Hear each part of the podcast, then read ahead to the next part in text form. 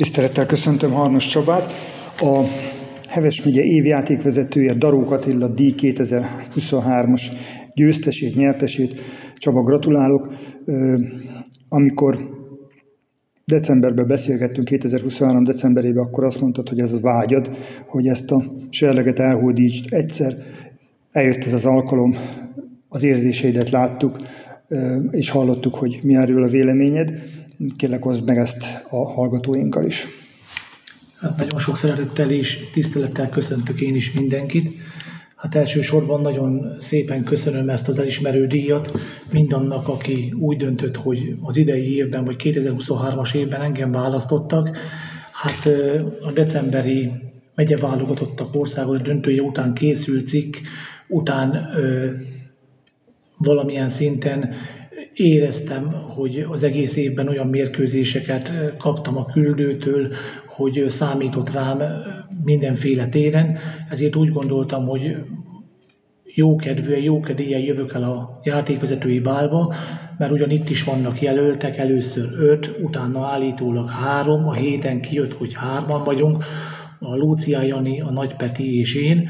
Hát titkor reménykedtem benne, mint mindenki más, mert nekem vágyam volt, mert minden olyan játékvezetőnek, aki tisztelettel, alázattal végzi a munkáját, nagy vágya, hogy egyszer egy ilyen serleget adjanak a kezébe az ő nevével gravírozva. Hát mivel még nem voltam jelölve soha pályafutásom során, most ugye a háromba kerültem, így úgy éreztem, hogy a 33 százalék az már megvan. Nekem már ez is nagy megtiszteltetés volt, hogy egyáltalán jelöltek. A Ceglédi megyei válogatott döntőre visszatérve, hát az egy, az egy tiszteletteljes jó indulatságon múlott, hogy megkerestek, hogy adjak már egy pár kérdésre választ, hogy milyen volt, hogy volt. Én tiszta szívből elmondtam, hogy ott hogy éreztem magamat, milyen volt a színvonal, és örülök neki, hogy 2019-ben és 2023-ban is nekem sikerült a finálét vezetni. Milyen pályafutás áll mögötted? Mennyire kerek ez a, a karrier, hogyha lehet így fogalmazni? Megmondom az őszintét, hogy 2001-ben kezdtem el a játékvezetést, akkoriban még Eger Körzeti Labdarúgó Szövetségben, utána 2004-ben lettem a megyei másodosztályú keret tagja, majd 2006-ban már megye egyes osztályba is vezethettem mérkőzést, utána 2009-ben lettem MB3-as utánpótlás játékvezető, utána a személyességi okok miatt hangsúlyozom, hogy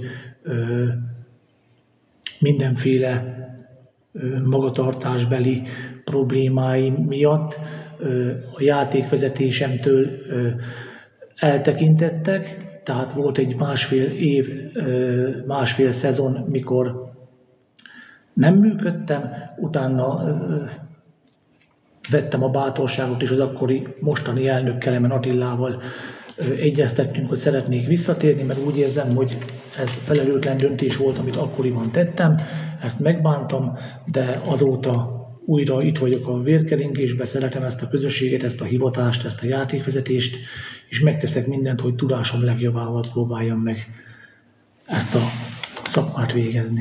Milyen bírónak tartod magad? Szigorúnak, következetesnek, Hát megmondom az őszintét, hogy Heves megyében, Pest vármegyében, Nógrád vármegyében, annak idén, mikor volt Jásznagykun, Szolnok vármegyében, vagy Borsod vármegyében is társmegyei mérkőzésünk, annak idén én is hevesen futballoztam az ifjúsági csapatban, vagy mikor katonai időmet töltöttem, akkor voltam kölcsönadva Boconádra. Én valamilyen szinten játékos párti játékvezető vagyok, próbálok inkább pedagógilag beszélni a játékosokkal, minimálisra csökkenteni a lapos figyelmeztetéseket, inkább próbálok szóban fegyelmezni. Persze, hogyha már ez sem működik, akkor, akkor más szankciót kell alkalmazni. Van-e olyan ember, példakép, akire feltekintesz, utat mutat számodra, segíti a karrieredet?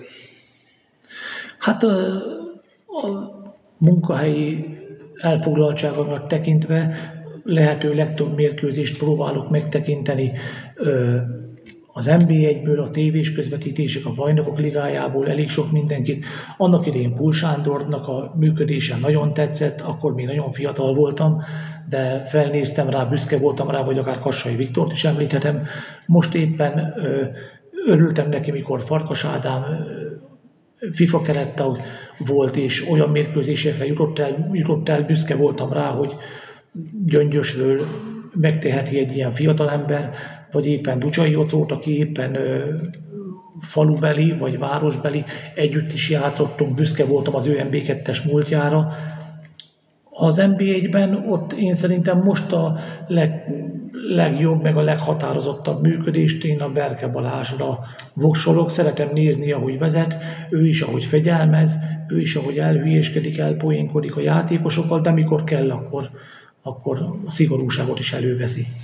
48 éves vagy, mi az, ami még vár rád, mi az, amit szeretné még elérni ezen a pályán? Még csak 47 leszek. Bocsánat, 47? Sem, 47 leszek, az is el fog jönni, bízom benne a 48. Hát ezek után én már azon vagyok, hogy ha lehetőség az egészségi állapotom, hogyha engedi ezt a megyei labdarúgást, amíg tudom játékvezetőként próbálom segíteni, én nekem az életkorom, meg a, a fizikai állóképességem miatt én már magasabb szintre ugye nem kacsingathatok fölfelé, ebbe én, ebbe, ebbe én biztos voltam már egy pár éve, úgyhogy én nekem a megyei első osztály, meg az országos utánpótlás mérkőzések jelentik a, a csúcsot. Kik segítenek ebbe, kik jelentik a támaszt? Hát végül is nem igazán tartok szorosabb kapcsolatot én senkivel sem. Családra gondoltam. Családban persze, hát a feleségem és a, a fiam az, akik, akik ők mellettem álltak jóban, rosszban, amikor egy kicsikét magánéleti problémáim voltak, akkor is a kedves párom kitartóan biztatott, meg segített mindenben, hogy csináljam, és ők az, akik, akik legelőször is, meg ugye szüleim, akik mindenben próbálnak segítségemre lenni. Akad-e esetleg olyan fiatal játékvezető, aki kérte a segítséged, te pedig kvázi mentorként próbáltál támaszt nyújtani neki? Van-e ilyen? Igen, a tavalyi szezon, a tavalyi szezonban, 2023-ban a Gyetvai Eriket, a heves vezekényi fiatal srácot jelölték ki, hogy legyek a mentora, és próbáljam meg pályafutását segíteni. Hát amikor együtt tudunk menni mérkőzésre, vagy ha nem is vagyunk együtt, mindig felhív, elmondja, hogy sikerült, mint sikerült, mit mondott az ellenőr. Én mindig próbálom a írott és íratlan szabályok betartására, hogy próbálom mindig arra ösztönözni, hogy legyen alázattal, legyen tekintélye, úgy nézzen ki a mérkőzésen mindig, mint egy játékvezető, és akkor előbb-utóbb a tehetség utat fog törni számára is, és elérheti céljait, ami csak rajta múlik. Decemberben mondtad, hogy mi a vágyad, a vágyad teljesült januárban. Mit hozhat 2024 számodra? Ezen kívül. Hát nem gondoltam volna, hogy ilyen gyorsan elérem azt, ami, ami, amit játékvezetési pályafutásom kezdete óta vágytam, mert ugye minden évben csodáltam azokat a játékvezetőket, akik minden évben fölemelték ezt a serleget, és boldogan ünnepelték hogy abban az évben ő lett.